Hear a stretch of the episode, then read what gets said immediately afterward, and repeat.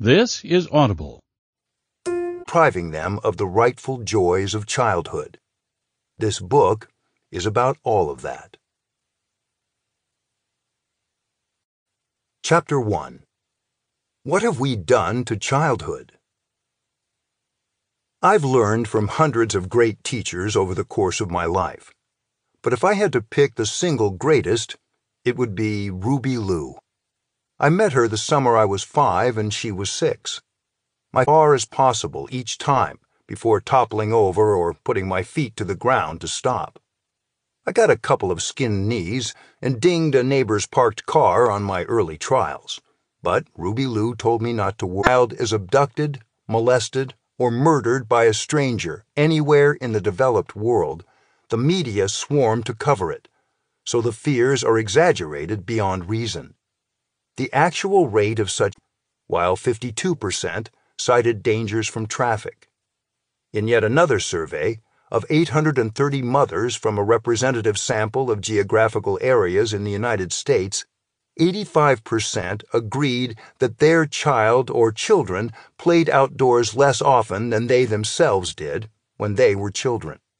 When asked about the obstacles to their own children's outdoor play, the changes do not correlate with economic cycles, wars, or any of the other kinds of national or world events that people often talk about as affecting young people's mental states. Rates of psychological disorders. As any good scientist will tell you, correlation does not prove causation. The observation that anxiety, depression, sense of helplessness, we have deprived children of the freedom they need to develop the understanding, courage, and confidence required to face life's dangers and challenges with equanimity. We are in a crisis that. Chapter 2 The Play Filled Lives of Hunter Gatherer Children. Halfway around the world, and far removed from the educational pressures that act on Evan and Hank, we find Qui, also 11, who is growing up in a culture that trusts children's instincts and judgment. Qui lives in a hunting and gathering band in Africa's Kalahari Desert. Act like a big shot if everyone ridicules you for it, and it is not worth hoarding food if the price is being treated as if you don't exist. Consistent with their high valuation of individual autonomy, as well as by sight. Some years ago, Louis Liebenberg wrote an entire book about the sophisticated scientific reasoning that underlies hunter gatherers' ability to track game and competitive. In a worldwide cross cultural comparison of games conducted in the 1950s and 60s, John Roberts and his colleagues concluded that the only cultures that seem to have then all but one releases it, so that the one who didn't let go swings wildly in the treetop or is catapulted through the air. Such games apparently not only help children learn to work the nervous systems of the Ju/'hoansi were not superior to ours. But of course, their nervous systems were the same as ours. It was their self control that was superior. The value of this is. Chapter 3 Why Schools Are What They Are A Brief History of Education. How did we get from Qui to Evan? How did we go from conditions in which learning was self directed and joyful to conditions in which learning is forced on children in ways that make so many of them feel helpless, anxious, and depressed? When, when provided with freedom and opportunity, children can and do educate themselves marvelously for our modern world. The schools that we see around us are not products of science and logic sturdy houses to protect themselves from predators and storms. But agriculture also came with a big price tag, which could not have been foreseen by those who took the first irreversible aim at a great cost in labor. While hunter gatherers skillfully harvested what nature had grown, farmers had to plow, plant, cultivate, tend their flocks, and so on. Secure view, to not work is to be an animal. The tasks that made them human were those of turning natural products, plants, animals, babies, into human products. Crops, capitalist required a person to work hard and then invest, not spend, the profits. Protestantism came to America in the form of Puritanism, and Americans, even more than Europe, subjecting them instead to the tedious and painfully slow learning methods devised by those who run the schools. Chapter 4 Seven Sins of Our System of Forced Education Children generally don't like school. As if it needed confirming, a large scale research study conducted a few years of education, Einstein wrote, one had to cram all this stuff into one's mind, whether one liked it or not. This coercion had such a deterring effect that after I had passed the final examination, being smart was somehow better than being honest. The result of the pressure is that students are rewarded for being dishonest, which is really very sad. Teachers often say that if you cheat in these bullies are among the popular kids, the athletes, cheerleaders, preppies. They are popular not only with the other kids, but also with the teachers, school administrators, and adults move the system ever more toward its logical conclusions. It may even be fair to say that teachers in our school system are no freer to teach as they wish than are students to learn as they wish. Social world today as it was in theirs. Chapter 5 Lessons from Sudbury Valley Mother Nature Can Prevail in Modern Times. In the early to mid 1960s, Daniel Greenberg was a young professor, first in physics and then in history at Columbia University and a rising star in the newly developing without a diploma, but with no plans for further secondary schooling. At the time of our study, the school was much smaller than it is now and had been in existence for only 15 years. The school's age 9 and was currently an honor student in college put it this way. A lot of the people there in college have had more experience in some of the substantive areas but the attitudinal difference seems to allow me to catch up quickly. The substantive things are trivial to acquire. My attitude is that I'm conversations with students, but they have no interest in manipulating students into learning particular lessons. They believe strongly that children learn best on their own initiative, through their own self votes of the school meeting. Immersion in the democratic process endows each person with a sense of responsibility that helps to motivate education. If my voice counts, if I have only helped, it took away those stomach aches that I had experienced in public school, and it kept me from wasting my time doing silly things of protest. Chapter 6 The Human Educative Instincts on January 29, 1999, Sugata Mitra, then science director of an education, general results. Whenever a computer was made publicly available, children quickly gathered, explored the apparatus, began playing with it, and with no help except what they provided to one another, quickly learn about the properties of the objects around them and how to use those properties. They learned how to make objects squeak, come apart, twist into new shapes, bounce or shatter, depend much interested in the box because they had little to learn from it. In contrast, those who had only seen the two levers pressed simultaneously wanted to explore the box so they could try each and the play of man, 1901. Groos was ahead of his time in his thinking about evolution and about play. He understood the writings of Charles Darwin and had a sophisticated, modern understanding of instincts. He recognized that animals, especially mammals, must to varying degrees learn to use their instincts. Young mammals come into degree you can predict what an animal will play at by knowing what skills it must develop to survive and reproduce. Lion cubs and the young of other predators play at stalking and chasing. Capacity for language Children's minds are networked with those of all their friends. When one child in Mitra's study made a discovery, such as how to download documents on the computer, that dis- as I write this, philanthropists are working on the one laptop per child project as a means of bringing literacy and stores of knowledge to the whole world.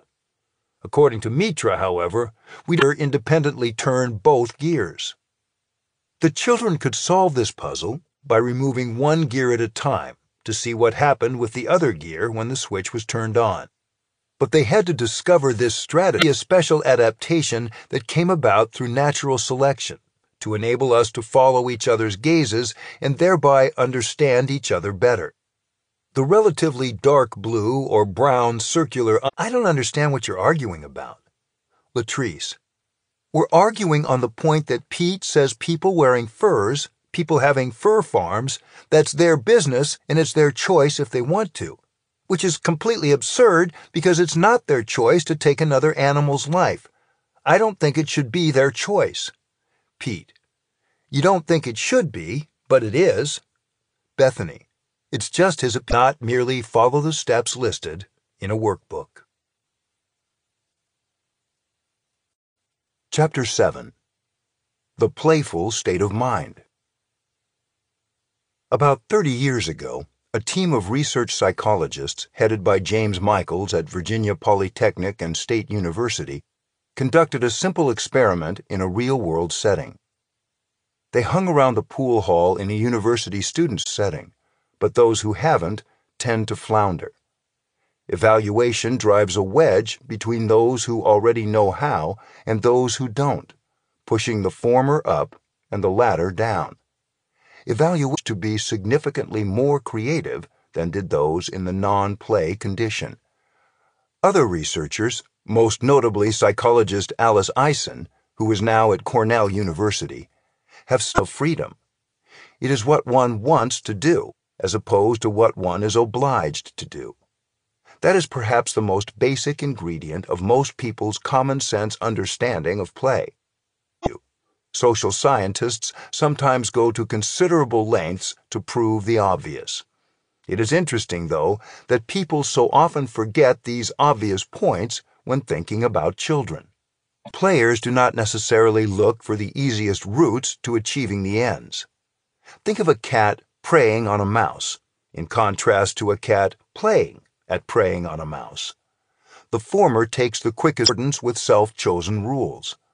The rules are not like rules of physics, nor like biological instincts, which are automatically followed. Rather, they are mental concepts that often require conscious it is structured by rules the player herself or himself has invented or accepted.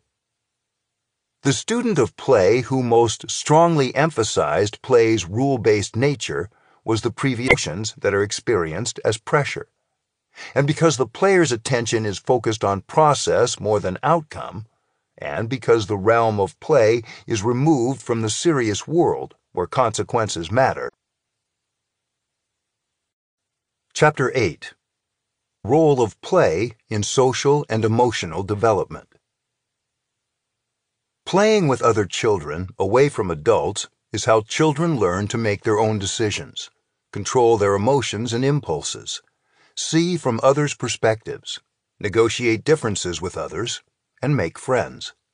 In short, play is how children learn to hold in pursuit of meaningful experience has been one of the most profound experiences of my life. I am sure it has had a similar effect on others. Lessons from socials against them or their parents have likewise been observed to play at themes that involve reenactment coupled with some sort of soothing. The soothing in their play may involve repair and mending of damage. Researcher Gisela Wegener Spöhring has described instances of such play among normal, well adjusted kindergarteners in Germany. For example, she described a scene of young monkeys and apes playfully swinging in trees choose branches that are sufficiently far apart and high enough off the ground to create a degree of fear, but not so high that a fall would idiots who need constant direction. But in the game, They are in charge and can solve difficult problems and exhibit extraordinary skills. In the game, age does not matter. Skill does. Chapter 9 Free Age Mixing A key ingredient for children's capacity for self-education. One morning at the Sudbury Valley School, a remarkable scene unfolded before my eyes in the playroom. A 13-year-old boy and two 7-year-old boys were creating, purely for their own enjoyment, a fantastic story involving tossed the farthest. Jeff, the youngest, was tossed the shortest distance. Hank seemed to know precisely how far to throw each boy, so as to induce maximal thrill without terrorizing or hurting far more meaningful to children in the context of their own self-directed socio-dramatic play, where they understand exactly how the concepts apply, than in the more abstract and less child culture in which each new generation of children acquires specific skills and knowledge from the older children and then passes them on to the next generation. The first child who ever kindness and compassion toward children who are at least three years younger than they do toward those closer to their own age. In a study conducted in a subsistence farming community in Kenya, Carol Ember found which vary from hour to hour and day to day. Chapter 10 Trustful Parenting in Our Modern World. In the spring of 2008, on a sunny Sunday, Lenore Skenazy dropped off her nine year old son at Bloomingdale's in Midtown Manhattan. She gave him a handful of quarters, $20 for emergencies, a map, a met. He was ready to take his adventure. He was then 13 years old. Because he was a student at Sudbury Valley, Taking time off from school was no problem. Everyone there understood that this trip was a responsibility does not grow in a vacuum. If you want responsible kids, you have to allow them the freedom to be responsible. And that, sadly, is much harder to do today than it was in 1982. Exploration and independent adventure. What can we do to reverse the trend that has prevented so many children from practicing courage and developing the full level of emotional resilience need any of the same values as hunter-gatherers. Over the past century or two, with the decline in need for child labor and the return of democratic values, the directive domineering style of parenting has continued to produce kids with the best resumes. As the school system becomes increasingly powerful, people's implicit conceptions of child development grow ever more to match the schooling model. And maybe a rotating method to monitor that place if parents otherwise feel nervous about letting their kids go there without them. If there's no reasonable existing place for such play, how about against you? Take their concerns seriously, not as barriers, but as problems to be solved in your planning. Enabling your kids to play freely and relatively safely with other kids is one of the nudging it the other way, with an even more standardized curriculum and more rigorous testing. This is the stuff of countless books and articles written by professors of education. But no one in the edu do. You can find instructions and video on the internet. For almost any idea you want to think about, you can find arguments and counter-arguments on the internet and even join a discussion about it. This is Visit us at hachetteaudio.com. Thank you for listening. Text copyright 2018 by Peter Gray. Audio production